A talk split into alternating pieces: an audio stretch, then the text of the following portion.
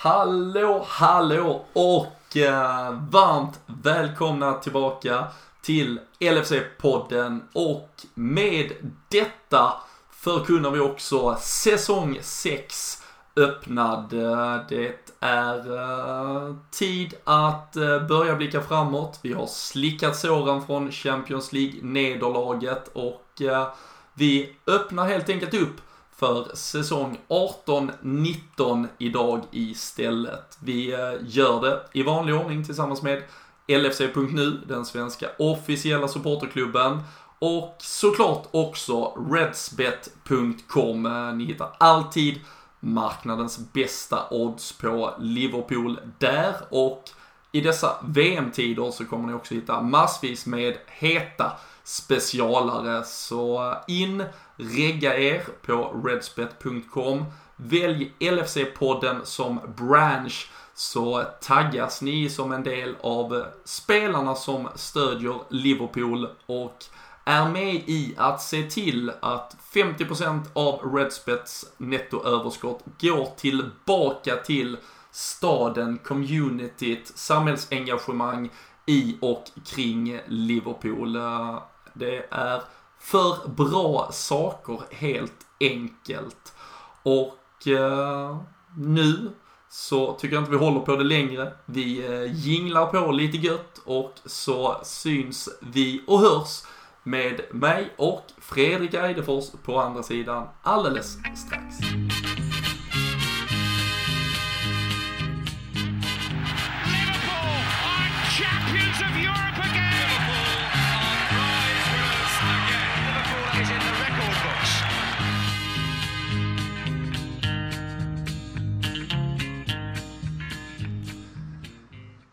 Jajamän, då eh, sitter vi eh, äntligen här eh, och vi har som sagt med denna jingel vi nu avhandlat och genom att kliva över på denna sida också klivit in i vad vi väljer att kalla en ny säsong och således säsongstart 2018-2019 2019.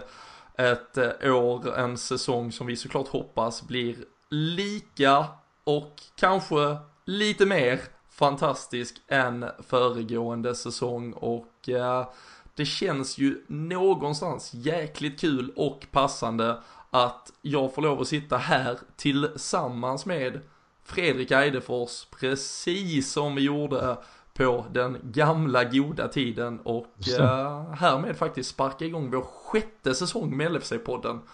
Det, det är fan rätt sjukt.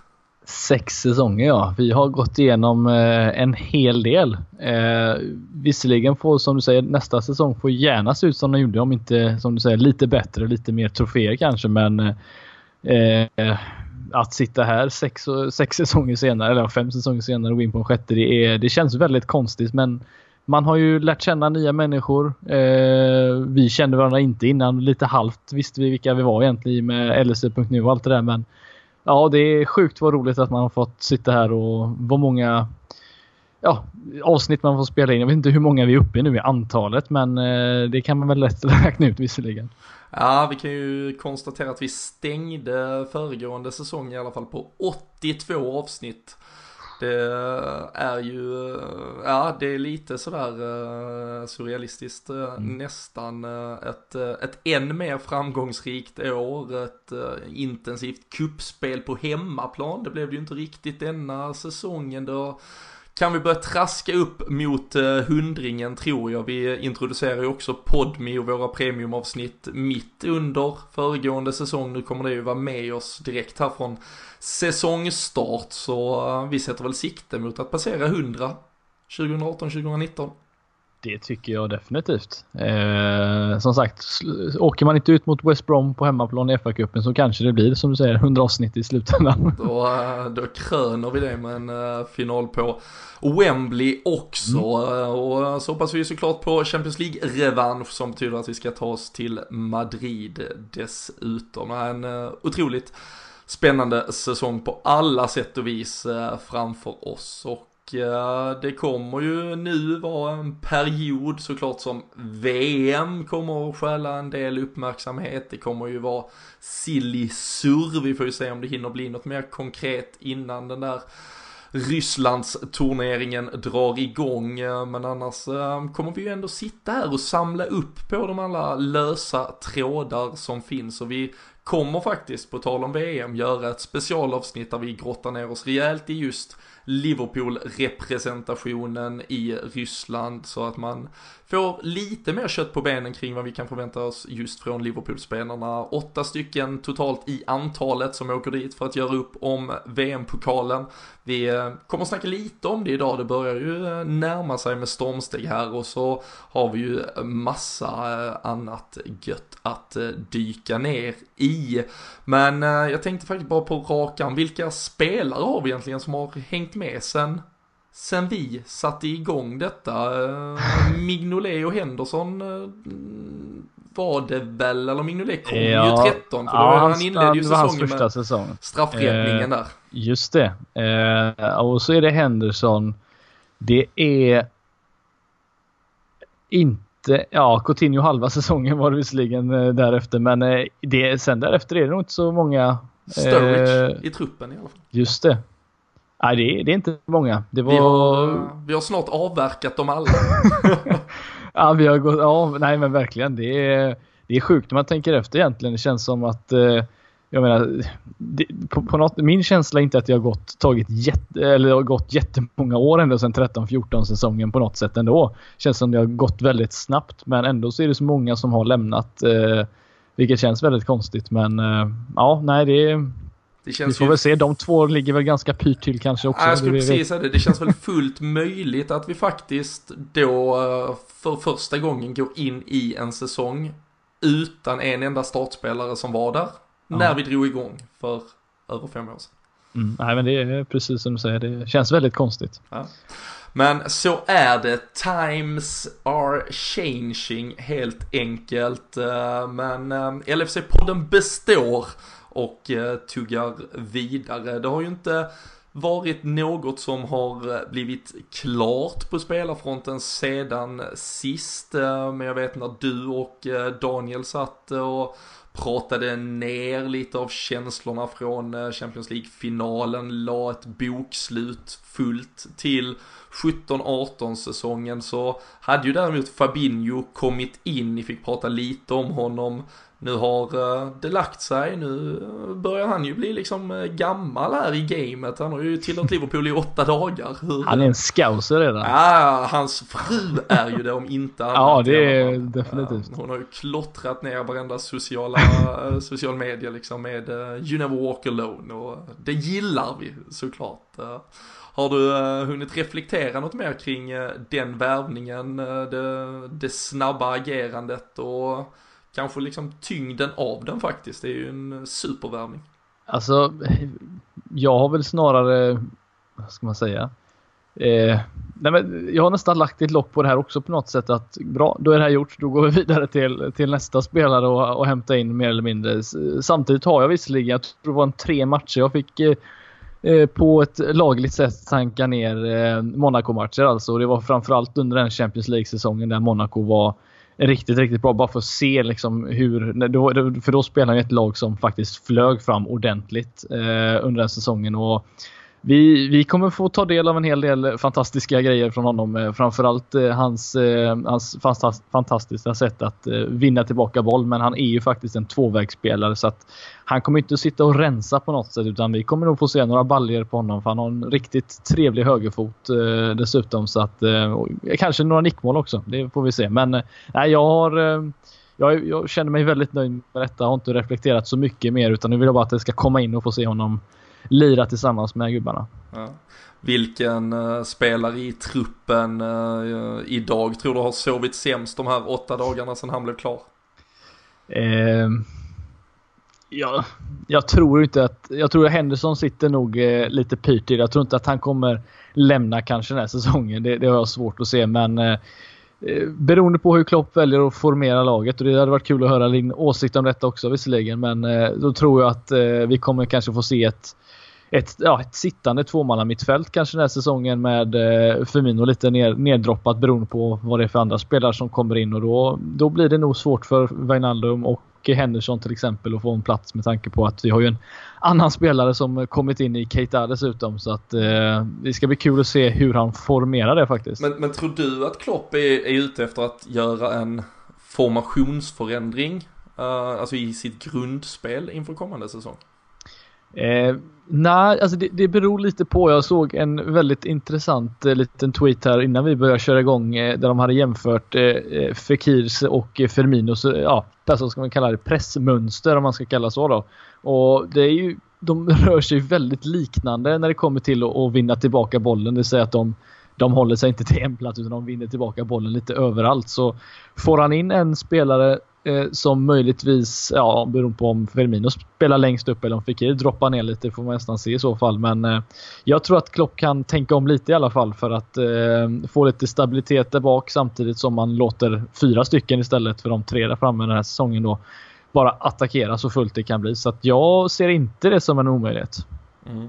Och att eh, Keita och Fabinho då växeldra lite i uh, det mer balanserade arbetet? Jag skulle säga att det där är en ganska det är ju så bra duo vi kan få sett till uh, det, det mittfältet vi en gång hade. Uh, det är svårt att liksom tänka att vi för några säsonger sedan Oh, nästan jobbigt att tänka på det. Hade ett bestående mittfält av Jay Spearing och Paulsen och alla de här spelarna som spelade. Det är helt sjukt och nu står vi med Fabinho och Keita. Så att, eh, som du sa alldeles nyss, times are changing det och det, det gör det rätt också. Mm. Nej men det, alltså det, det är ju fantastiskt. Tror du det blir någon förändring av formation eller? Ja men, nej, ja, nej alltså jag tror väl ändå att... Match grund, efter match kanske? Ja, alltså det, det är väl det man hoppas på. Det är väl egentligen den, den största kritik eh, av, av, av det lilla man har kunnat kritisera Klopp för den senaste säsongen som ändå har bestått lite. Det är väl kanske hans matchcoachning vad gäller både byten som såklart också till mycket har berott på en trupp som inte har kunnat tillgodose han de nycklarna för att låsa upp vissa, vissa matcher ibland men också kanske där man har känt att just den här matchen hade vi kanske kunnat ha en annan approach redan från start. Och det är ju det är väl därför jag också kan bli lite eh, irriterad och det här har vi också pratat om i podden för när man nu börjar då prata om vilka spelare som måste lämna, att liksom nu har vi köpt två, och då måste två bort och så vidare. Så det är klart att vi kanske kommer stå med ett överflöd och det är klart att vi inte behöver ha tre fullgoda liksom Premier League-spelare som ens inte sitter på bänken. Uh, vi ska inte unna oss allt för mycket lyx men samtidigt ska vi ju sannoliken unna oss att vi känner att vi har en trupp som består av 20-23 man där alla är otroligt slagkraftiga och där vi kan spela en Champions League-final med ett jävligt bra lag även om vi har fem skador. Och det hoppas jag ju att Klopp bygger och i det bygget så tror jag absolut att han tänker in att det bör finnas både alternativ A, B och C vad gäller formationer. Han är ju inte mycket för att vara alternativ A, B och C för att helt förändra en matchbild och spela någon liksom bronkarfotboll sista tio bara för att. Men som du säger kan det vara att vi kan ha en 4-2-3-1, 4-3-3, 4-2-4 nästan som på pappret kanske då ser väldigt varierande ut men som i realiteten inte är liksom, det är ingen hjärnfysik det vi sysslar med utan små förändringar men som kan sätta olika tryck på ett lag. Det både tror och hoppas jag att Klopp är ute efter nu och det är väl därför jag också känner att en Fabinho, en Keita, även om en Fekir nu förhoppningsvis kommer in som kan spela egentligen i alla positionerna mm. därifrån ett lite offensivt mittfält och hela vägen fram att det nödvändigtvis inte ska betyda att eh, liksom tre av Milner, eh, Lalana, Henderson, Wijnaldum, Oxlade ska bort, pang boom. Emre Can, han lämnar, ja. Um, eventuellt en Lalana som jag tror är en, i ett läge av sin karriär där han vill spela liksom fotboll på, på absolut högsta nivån av, av, vad han kan prestera och det är väl kanske ett ja, men topp 8-10 lag i Premier League och han vill vara ordinarie där och det bör man kanske tillgodose för alla parter. Men annars så ser jag hellre att en Jordan Henderson kanske nu kan få blomma och ta det steget som, som jag har velat att han skulle göra i flera år. Att ja, men bli en spelare som kan få vara delaktig i lite offensiv, han kan få vara en box-to-box, han kan få komma in och, och spela i en position som jag tycker att han har gjort bäst egentligen under sin prime i Liverpool om vi säger det. Sen hade han ett par matcher under våren här som var fantastiska i den positionen han har suttit i nu och han ska ju såklart och kan vara ett alternativ för en defensiva roll även framöver. Men det är ju jäkligt skönt om man inte behöver vara ordinarie i den. Men han, Wijnaldum, Oxlade, det är ju tre fantastiskt bra mittfältare som jag tycker vi ändå ska hålla hårt i. Och sen tror jag att James Milner är beredd att, att sitta ett år eller två till som en del av våran trupp. Och det ser jag liksom inga konstigheter i att han ska göra. Och, och, jag vet att du och jag är nog på samma våglängd vad gäller det att bara för att vi nu värvar lite så får fan börja inte öppna dörren och kasta ut tre, fyra där bak. Nej, nej men för då, då gör man, då man skjuter sig i, i, själv i foten genom att göra det. För att det är trots allt mycket rutin som, som finns där. Jag tänker, alltså tänk dig själv ett scenario om eh, vi går in i, en, eh, i ett januari eller februari och vi har skador på ja, Fabinho till exempel och så är det en Fekir som, eller en, en Keita som kanske är en match som blir avstängd. Och ska man då inte ha möjligheten att kunna slänga in en Henderson till exempel som Ja, han är ingen skitdålig spelare på något sätt. Han är, eh, han är, han är en Henderson, han är, han är som han är. Eh, han har en hög kvalitet för att spela i Premier League. Men att, att då inte kunna ha en sån spelare och kunna slänga in, det hade ju varit eh, riktigt dumt framförallt den här säsongen. Utan då är, får man tänka kanske två säsonger fram eller ja, ytterligare därefter. Då. Men eh, ja, jag säger som du säger att Milner eh, ja, kanske inte kommer spela lika mycket. Men om Henderson kanske blir vad Milner har blivit just nu då, om du förstår vad jag menar. Att han kommer in och får ta jobbet när, när det mm. behövs så att säga. Det, det kan jag definitivt se. Men eh, att, ja, att kunna ha tre stycken raka ersättare på bänken mer eller mindre i, som du säger i eh, Wijnaldum, Henderson och eh, Oxlade. Det hade, jag, det hade varit riktigt trevligt faktiskt. För då kan man i alla fall ha den här bredden som vi har saknat så länge. Mm. Och just det här att vi faktiskt för en gångs skull, vad det, vad det nu verkar i alla fall och hur det ser ut ehm, om vi låter Fabinho och Keita få vara det som talar för det, att vi värvar spelare som går rakt in i vår startelva trots att vi då kan anses ha ett, ett väldigt bra lag i förhållande till vad vi har haft de senaste åren. Och att de här väldigt bra spelarna, det är trots allt spelare som tog oss till en Champions League-final, blir bänkspelare och, och bänkspelare i form av då en eventuellt en, en Lalana, en, en Danny Ings och så vidare. Det är de som i så fall säljs ut nu och, och försvinner. Medan det känns som att många år de senaste åren då har vi sett alltså, billiga köp, investeringar som har blivit truppspelare och så kanske en bänkspelare från förra säsongen har gått in och blivit en, eh, liksom ett första val och det, det har ju mm. varit liksom, det är inte det här, det känns ju Ja, det känns ju så jäkla mycket mer spännande uh, just nu än vad det har gjort på flera år. Och uh, det var ju liksom uh, plåster på såren på alla sätt och vis från att man kom hem från Kiev, hade varit hemma i 24 timmar och man kände väl egentligen att allt var skit och man skulle försöka koppla bort fotbollen lite och så, och så dunkar man in Fabinho-värvningen som ja men som en blixt från klar himmel. Och eh, det är ju klart nu blir man eh, lite girig och, och, man vill ha mer och eh, folk snackade direkt om att Fekir skulle vara klar bara några dagar senare och så vidare. Men eh, det, det känns ju som att vi har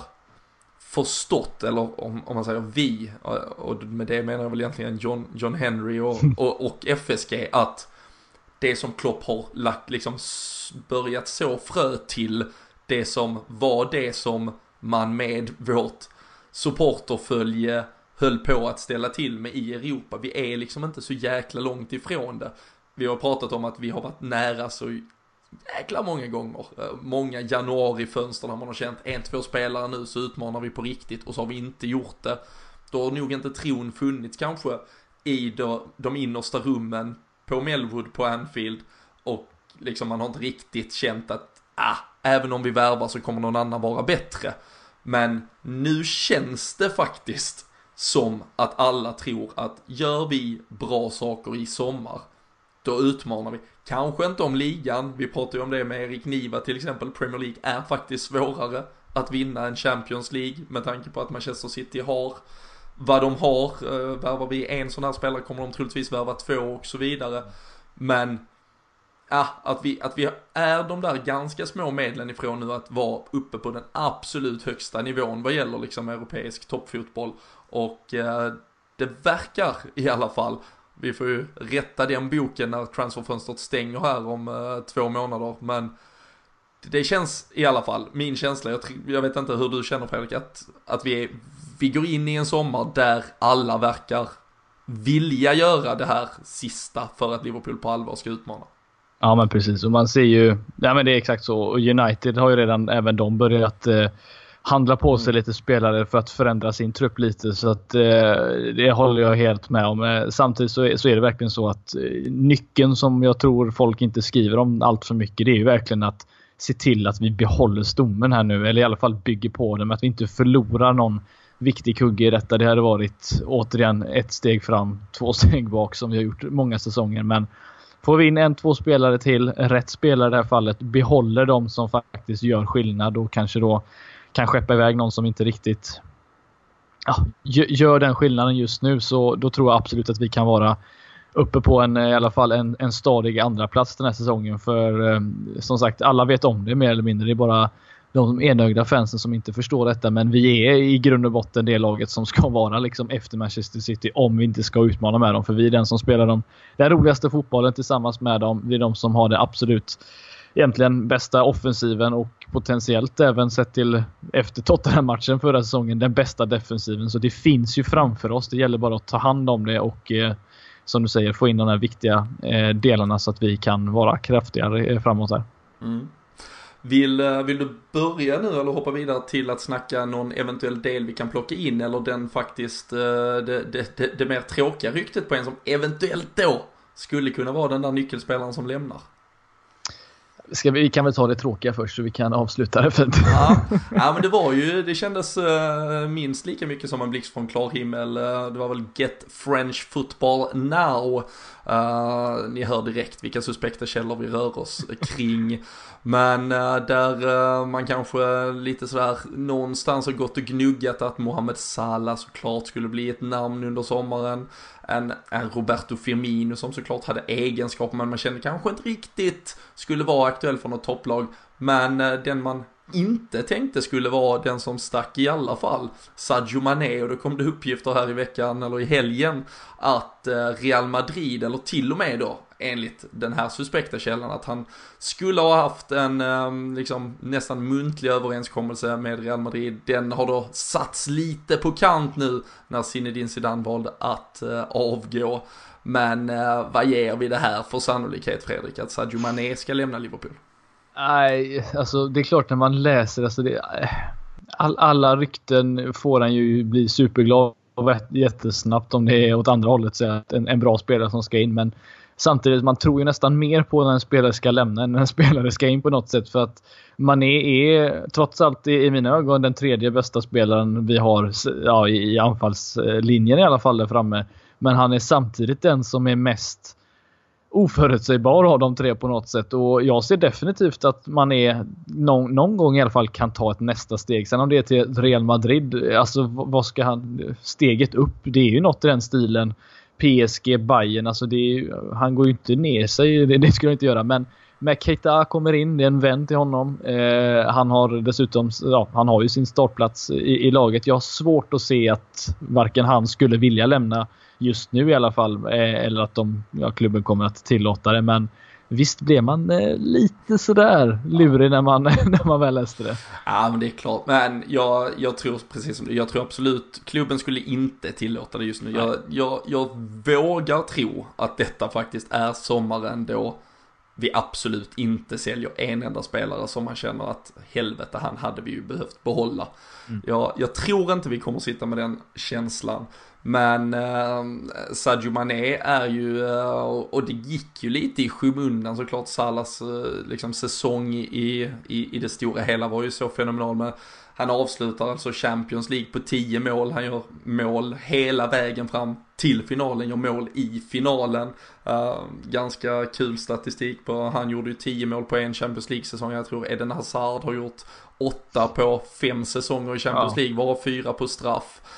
Och det är ju liksom egentligen spelare som han något sånär trots att liksom konkurrera med om en plats i Real Madrid till exempel om man nu ska, ska se, det, se det så och eh, nej det är någonstans, alltså trots all fantastisk, liksom positiv kritik och alla lovord vår offensiv har fått så, så är det ju nästan i underkant när man, när man just börjar syna de här siffrorna ibland liksom. Det, det är helt sanslösa siffror och alla tre bör vara liksom alltså inte att de frestas men att klubbar runt omkring om vi pratar om de här då absolut största. Det är klart att det är de här tre spelarna man bör titta på om man behöver något exceptionellt i sin offensiv men mm. man får väl hoppas och tro att de uh, dels trivs uh, så bra i, i klubben med sina lagkamrater. Egentligen alla i laget har ju pratat om liksom en stämning som är något alldeles, ja, alldeles utöver det vanliga. Ehm, en Jürgen Klopp som de förhoppningsvis har förtroendet för ska tala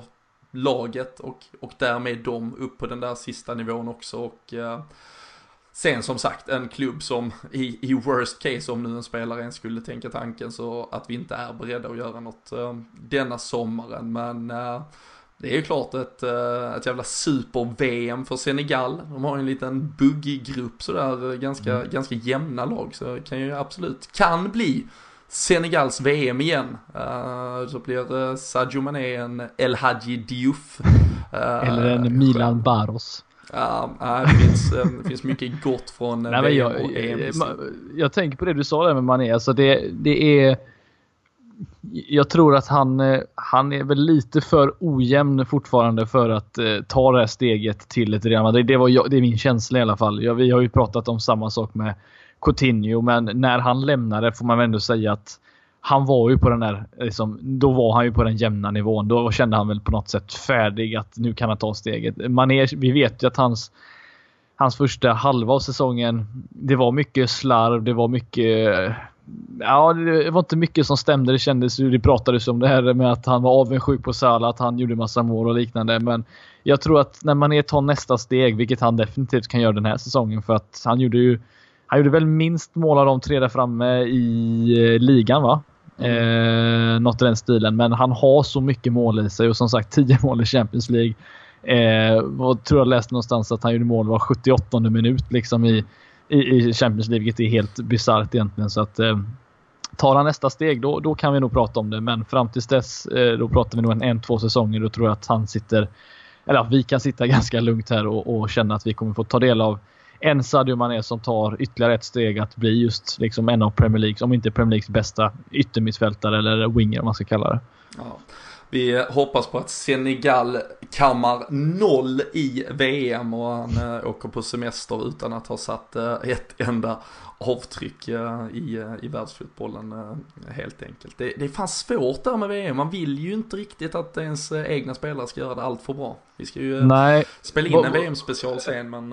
Ja, men jag tänker på en sån som Firmino som är ja, backup egentligen till Gabriel Jesus i det här fallet så vi vet ju att Firmino är en sån som löper 189% varenda gång. Men samtidigt, man undrar ju vad som är bäst egentligen för Liverpool. Om det är en spelare som inte får spela och är helt fräsch eller om det är en spelare som typ vinner VM och kommer tillbaka. Visserligen lite trött men som är i världens rus liksom och ser eh, inga, ingenting omöjligt längre fram. Jag vet inte vad, vad som är bäst egentligen ah, han kan väl vinna, han kan ju sitta på bänken hela VM och så, och så pytsar han dit 1-0 eh, i förlängningen. Han götsar in den. Han götsar in eh, finalmålet. Ja, det får han gärna göra. Uh, Något i den stilen känns väl helt okej. Okay. Uh, lite vi kan ju gå lite till den. Brasilien-Kroatien uh, från Anfield i söndags. Gabriel Jesus med kaptensbinden.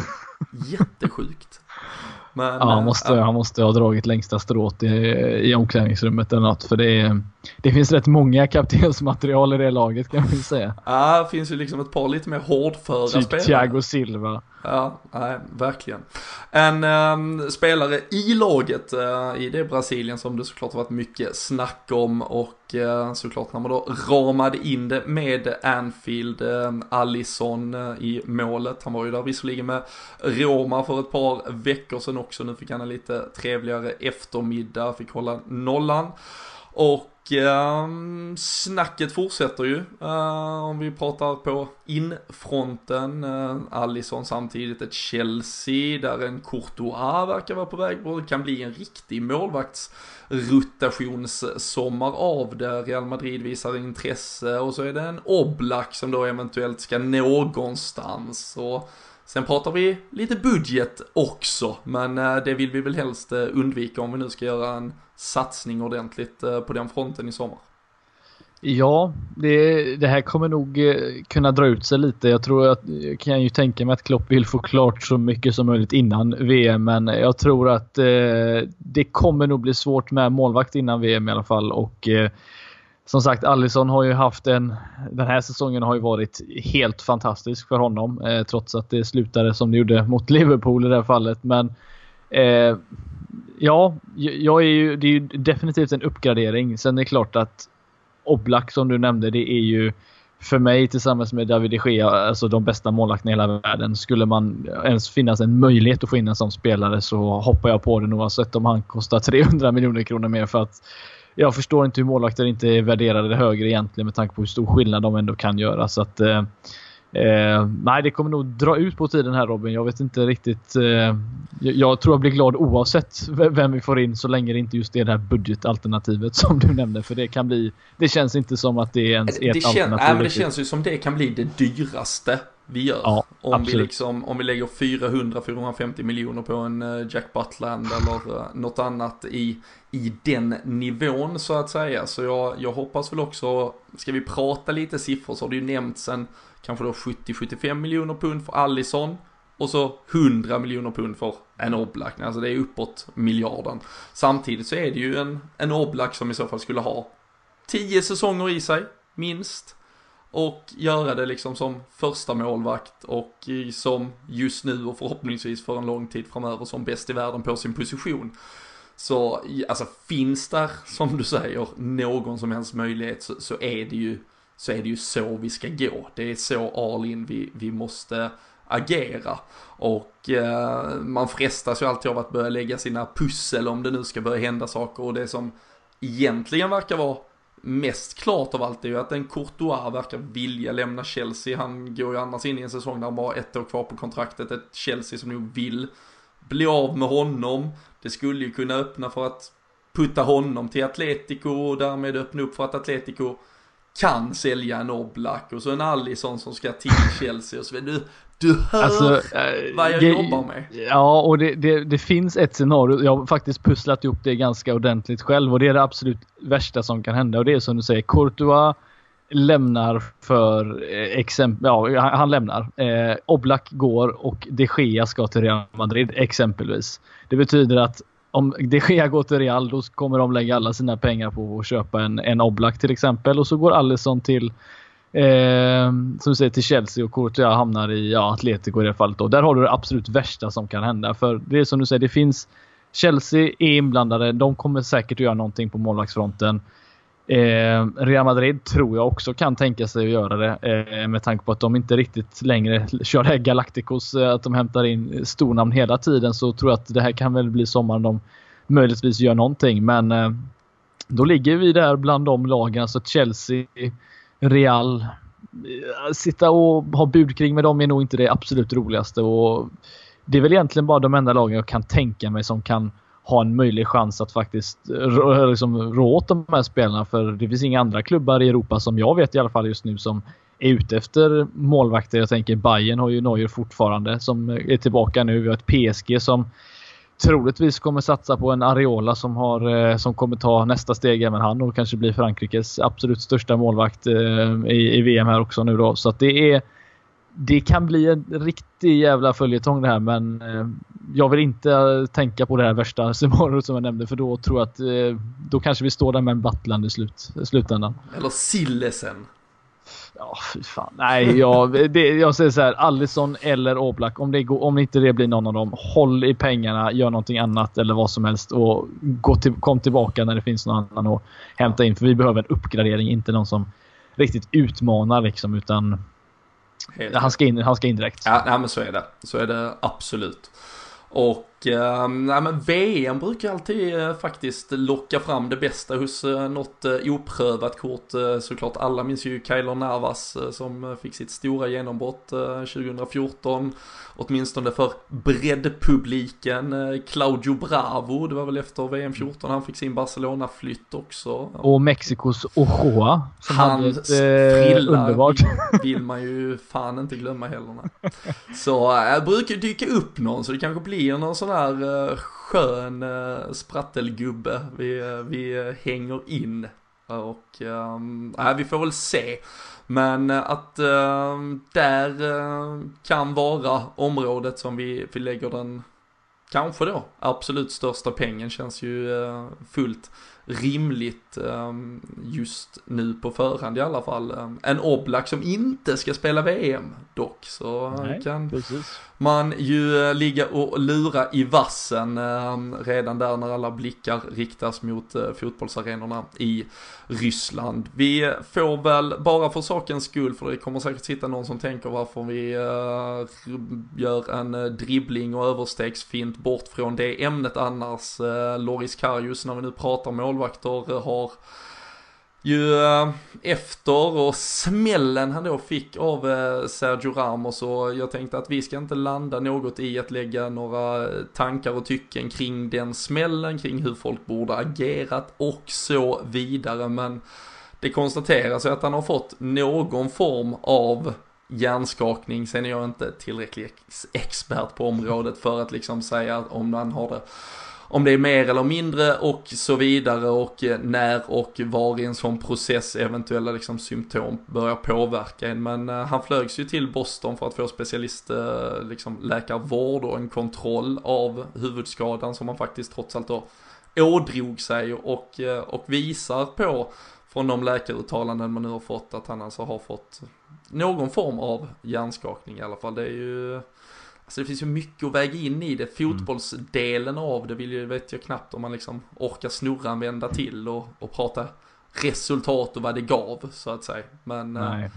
Nej men det, det är intressant det där för att eh, fotbollen är, ligger ju trots allt eh, ganska långt, långt bakom andra, andra sporter när det kommer till just huvudskador. Jag tänker på NHL och NFL och alla de här ja, kontaktsporterna då så att säga. Och jag tror att Äh, anledningen också det är för att de andra eh, sporterna kan de ju egentligen bara byta ut någon från ingenstans och sätta in någon och så får den andra gå ut och äh, ja, kolla om man har en huvudskada eller liknande. Men här blir det ju inte riktigt samma sätt för att här har man ju bara tre byten att kunna göra och eh, om det, om det finns någon form av förändring inom sporten när det kommer till regler att kolla upp en huvudskada eh, och sen byta. Jag vet inte men eh, fotbollen ligger långt bak och det märks ju ganska tydligt här med tanke på att Karius själv uppenbarligen hade ja, problem eh, efter det. Eh, sen som, som du säger, jag tror inte att det 100% har att göra med att han gjorde det han gjorde efteråt. Men eh, det känns som att klubben borde haft lite bättre koll på något sätt ändå för alla former av huvudskador.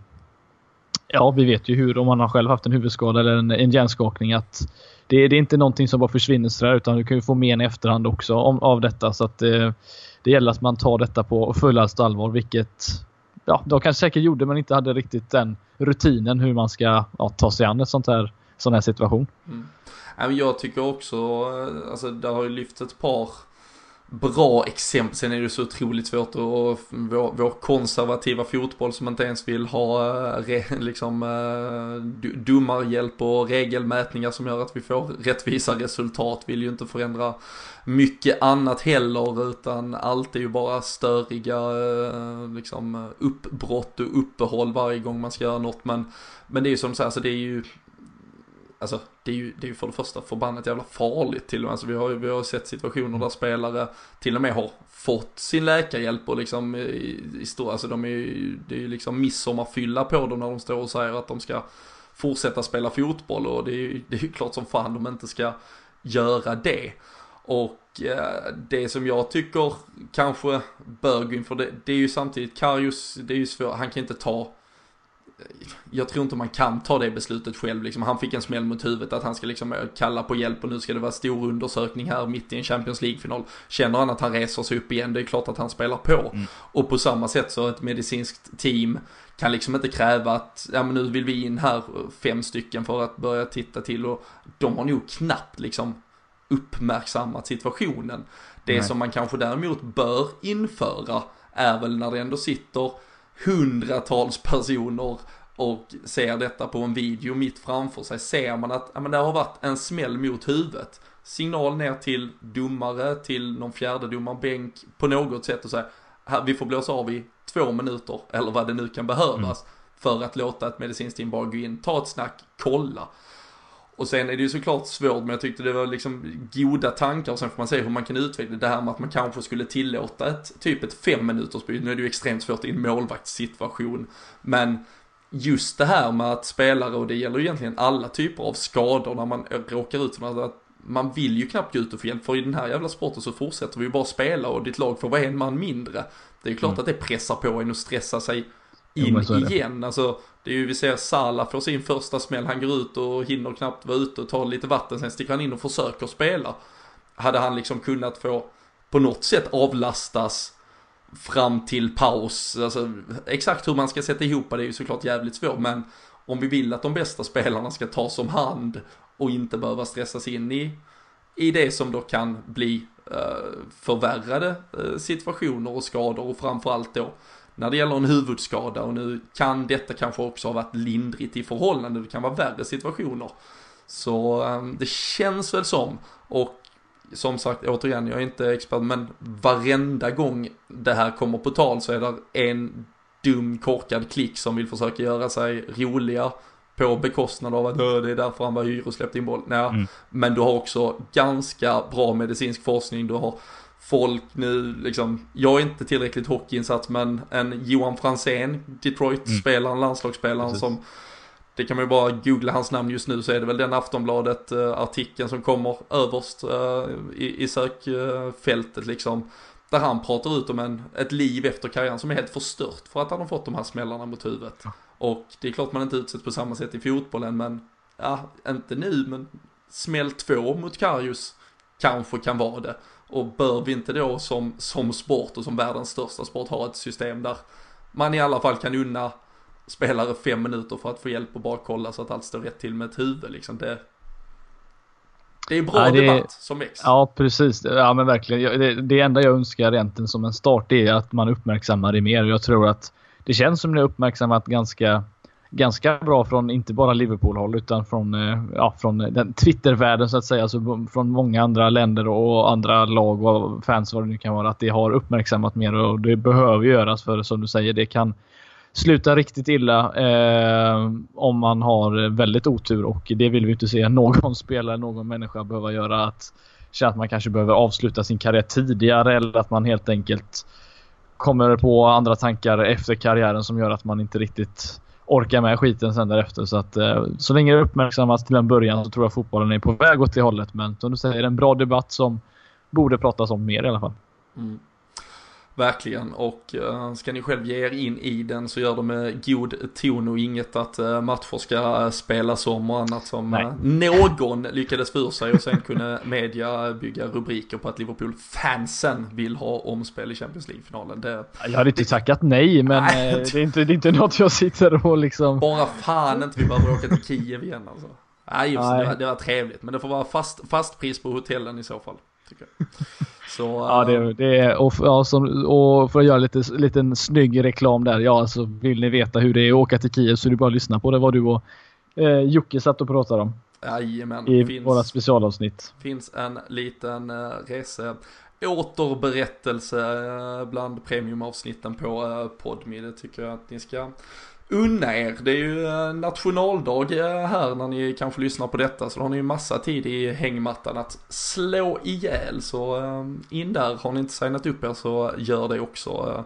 Gratis första månaden och sen hänger man med med sitt lilla abonnemang där för 19 spänn så trillar det in lite intervjuer och lite specialavsnitt i alla dess former där helt enkelt. Ehm, jag eh, tänkte vi ska avsluta om en liten stund med bara en liten snabb VM-koll. Alla VM-trupperna är ju nu spikade så vi vet också exakt vilka Liverpool-spelare som åker till Ryssland. Men eh, medan då eh, eventuell spelarförstärkning har Eh, lyst med sin frånvaro så har ju faktiskt eh, staben eh, utökats istället här med ett gammalt bekant ansikte och man kan väl kanske tro att det här också är det definitiva slutet på Selko Bovacs tid i Liverpool. Det var ju väldigt uppmärksammat hur Klopps högra hand plötsligt lämnade truppen och Eh, ledarstaben inför returmötet mot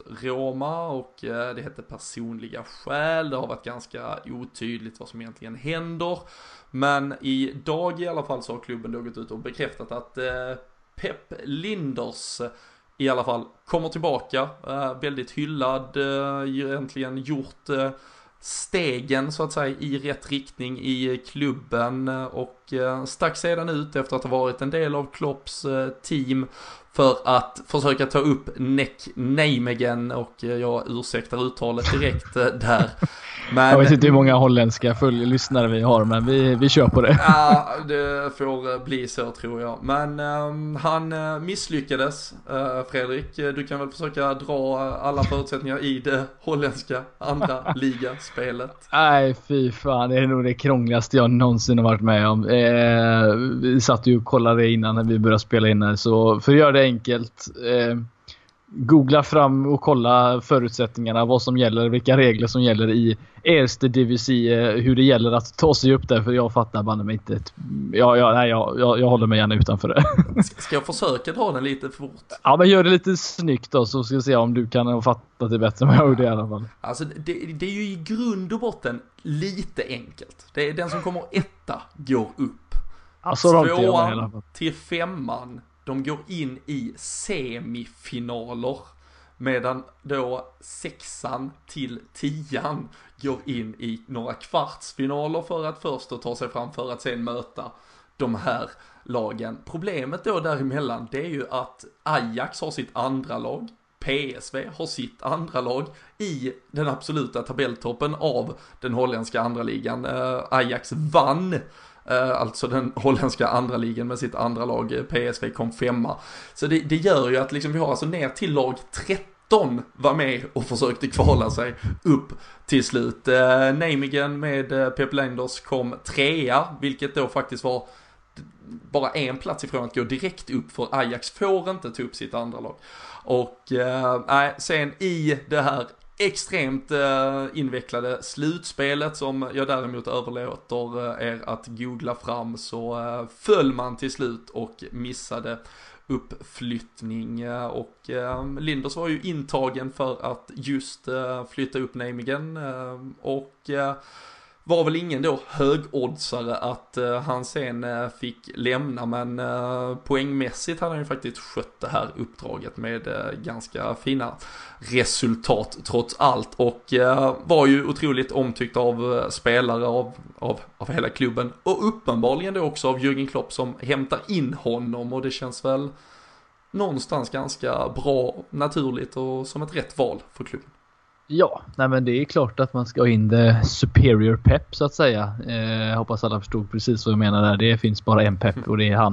Eh, nej men det, att, att, han har ju framförallt har det pratats väldigt mycket om hans just fotbollskunskaper. Att han är en väldigt smart man när det gäller att tänka fotboll och eh, tror att detta kan bli alldeles utmärkt och tror att det kan även vara en eh, en bra länk mellan just första laget och akademin och liksom kunna hjälpa till och, och, få med spelare där och hitta de som ska ta sig upp. Så jag tror att det kan bli eh, en riktigt, eh, riktigt bra faktiskt. Och det är som sagt, även fast vi kanske aldrig får reda på vad som händer med den gode eh, andre mannen till Klopp så får vi väl se om detta blir en, en bra lösning. Jag tror på det i alla fall.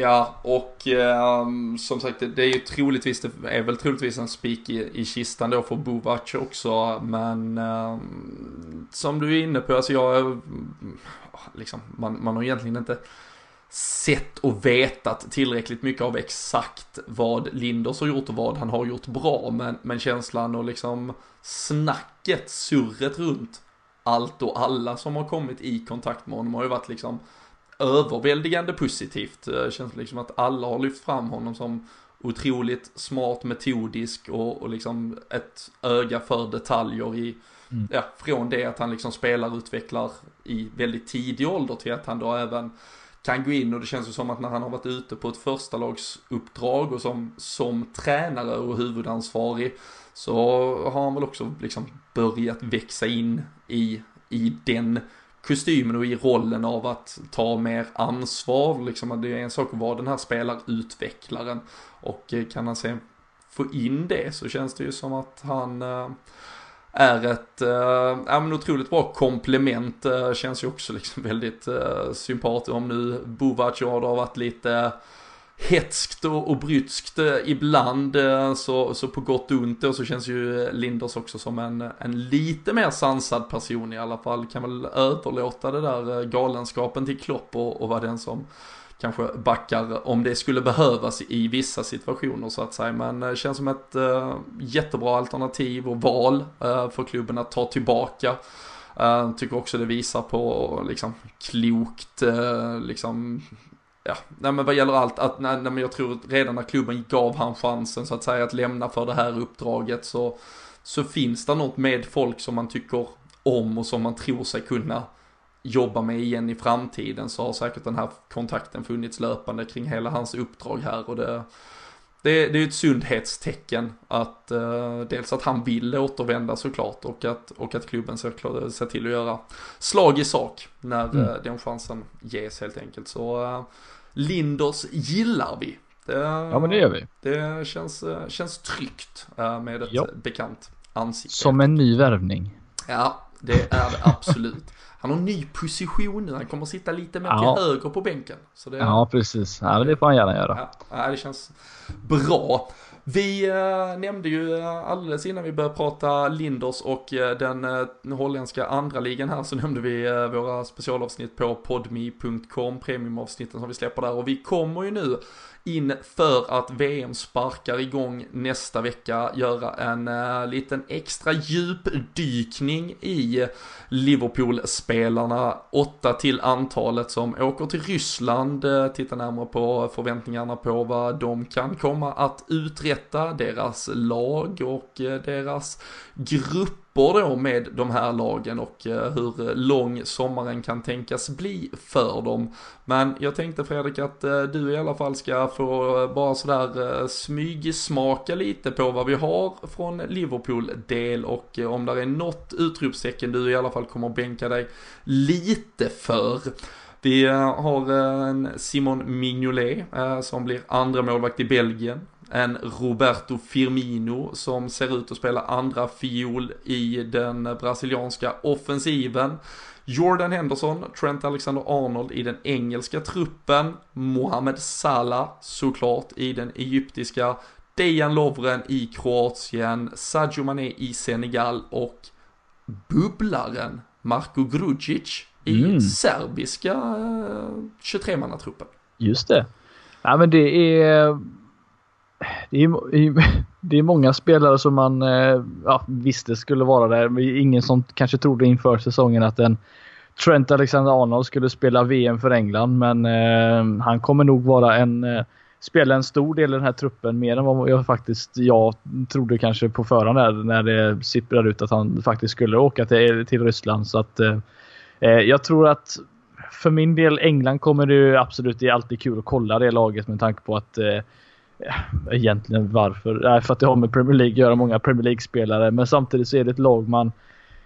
De har alltid haft ett lag som kanske ska prestera men som aldrig har gjort det. Och nu när de har ett lag som ingen kanske riktigt tror på. VMs yngsta lag faktiskt. Det med, för, precis. Nej, men det, ta, har de en liten annan approach det här VMet, det vill säga att de låter de lite yngre spelarna som haft bra säsonger, jag tänker på en Sterling, jag tänker på en Kane eller en Dele Alli och de här, låter dem vara huvudpersoner i det här laget, då tror jag att, eh, att det faktiskt kan, eh, ja, inte vinna VM, men det kan gå bättre än vad det gjort de senaste eh, VM-mästerskapen i alla fall. Och eh, den, de kommer jag nog sitta och följa ganska ordentligt tror jag faktiskt. Eh, sen är det klart att Mohamed Salah, liksom kungen av Egypten, det, det, det kommer man ju också sitta och kolla. Men eh, England tror jag tillsammans med Brasilien kommer nog bli det man eh, sitter och följer mest där i alla fall. Mm. Är det något, eh, något samma för dig eller tror du att du kommer sitta där och följa Senegals matcher eh, ut och in? Ah, men lite, fan jag har fått lite feed. Jag har ju lagt uh, in mitt uh,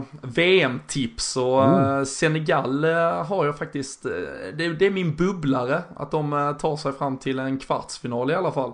Så det kommer krävas gruppvinst tror jag för att det ska kunna bli realitet. Så Senegal är min lilla joker i, i leken absolut. Så jag äh, får väl tyvärr då hoppas på att Sadio Mané gör ett jävla super-VM helt enkelt. Men att Real Madrid inte har någon tränare som kan köpa äh, honom. men, men som du säger, Trent Alexander-Arnold, jag tror alla har sett bilder från hur han presenterar sig på, på träningen här med, med England inför, mm. smällde dit ett jävla drömmål direkt. Och jag tror jag har lyssnat på kanske tre olika VM-poddar som i olika omfattning har pratat om England, de har pratat om många andra lag också. Eh, och så har de pratat formationer, trebackslinjen och så har de försökt sätta ihop sina tre mittbackar. Men det som alla har verkat glömma är ju att Kyle Walker spelar ju mittback i mm. den här engelska uppställningen med Garrett Southgate. Och det lämnar ju faktiskt högerbacks, eller högervingen ganska öppen. Det är Kieran Trippier eller Trent Alexander-Arnold. Och eh, Trippier fick eh, starta nu träningsmatchen, såklart Liverpool-spelarna kom in lite senare på grund av Champions League. De båda två vilades ju eh, här senast. Men jag tror absolut, precis som du säger, att eh, Alexander Arnold kan nog utmana. Och hör man så att säga objektiva eh, analyser från journalister och så vidare som följer laget noga nu så verkar han ju på riktigt aspirera på en plats. Ja, och han är sett till en sån wing, wingback-plats. Han är ju byggd för rätt mycket positioner kan vi säga, men han hade ju han passar ju perfekt in där skulle jag säga. Och, eh, för han är ju som sagt eh, fantastisk på, på att gå framåt även han. Jag menar, Trippier har, han har ju en, en, en magisk inläggsfot men han är ju mer begränsad än vad Alexander Arnold är som kan dessutom stå för lite genombrott. Så jag tror eh, jag tror han, eh, han tar den platsen om det, om, eh, om det är den formationen som kommer spela. Sen att Kyle Walker spelar höger mittback eller vad man ska kalla det, det är en annan podd kanske vi kan prata om. Men får han den positionen då tror jag han kommer ta vara på den alldeles utmärkt faktiskt. Mm. Har du, eh, vi som sagt, eh, vi grottar ner oss mer vad det lider här. Eh, har du något tidigt shout på en VM-vinnare också innan vi stänger igen dagens avsnitt? Yeah. Alltså jag har ju två lag som, som borde vinna men som inte kommer göra det. Eh, och det första laget är Frankrike. Eh, de har nu alltså det, det laget de har är helt makalöst. Alltså det är avbytare som borde egentligen starta kanske. Eh, de har lämnat ur spelare ur trupper som kanske borde även kunna finnas med. De har extremt mycket att välja på. Men det känns som att de aldrig riktigt tar det där steget heller. Sen det andra laget är faktiskt eh, Belgien som jag har som kan eh, som borde göra någonting bättre med tanke på de spelarna de faktiskt har. För vi pratar världsklasspelare från ja, målvakt hela vägen upp egentligen. Eh, men eh, jag tror inte heller att de kommer göra det. Så att jag, jag har snarare valt att fokusera på lag som inte kommer vinna än som ett lag som kommer att vinna. ja, uh, och, och i Belgien längst upp tänker du på Benteke då? Utgår exakt, ja. exakt. Ja, Han och Origi som uh, två man anfall. Ja, det hade ju varit, hade fan varit en syn att se det i en VM-final. Men, ja, men Origi spelade ju en stor del i, i förra VMet. Mm. Då... Han var, gick väl faktiskt före Lukaku även i det VM, eller då, första matchen har jag för mig att han gjorde det. Ja. Och eh, nu är han inte ens i truppen. Det är vad det är han inte, nej. år i Liverpool kan göra med dig. Ja just det, ja. det är Lukaku som har eh, Och så är det Batshuayi i truppen Just det, ja. Han blev men, frisk till slut ja. Ja, vi uh, får se, men uh, jag slänger väl en liten peng på Brasilien. Tror jag. Du gör det ja. Neymar har fått fokusera enkom på att bli frisk för att spela VM i fyra månader i stort sett. Ja. Det kan vara tungan på den berömda vågen tror jag. Men eh, vi eh, dammar som sagt av ett specialavsnitt eh, som ni hittar på podmi.com här om ett par dagar där vi grottar ner oss rejält i vad vi kan förvänta oss från alla de här åtta Liverpool-spelarna, deras lag och grupper med mera från VM. Men eh, för nu så eh, slår vi igen den här boken. Vi eh, förkunnar att säsong 6 av LFC-podden är igång och det känns ju fan jävligt bra Fredrik. Ja, det är den här säsongen Kom ihåg det här avsnittet Robin. Uh, gör vi, vi. Om, om 101 avsnitt så sitter vi och uh, pratar om hur vi vann trippen. Det, uh, det skriver jag ner direkt och uh, lovar att... Det vill säga Community Shield, FA-cupen och Ligacupen. Ja, och den... fan, så länge vi slipper spela den italienska supercupen i Saudiarabien så är ja, jag helt nöjd okay. i alla fall. Fy fan, med de orden tycker jag vi går ut och eh, önskar er alla en underbar vecka.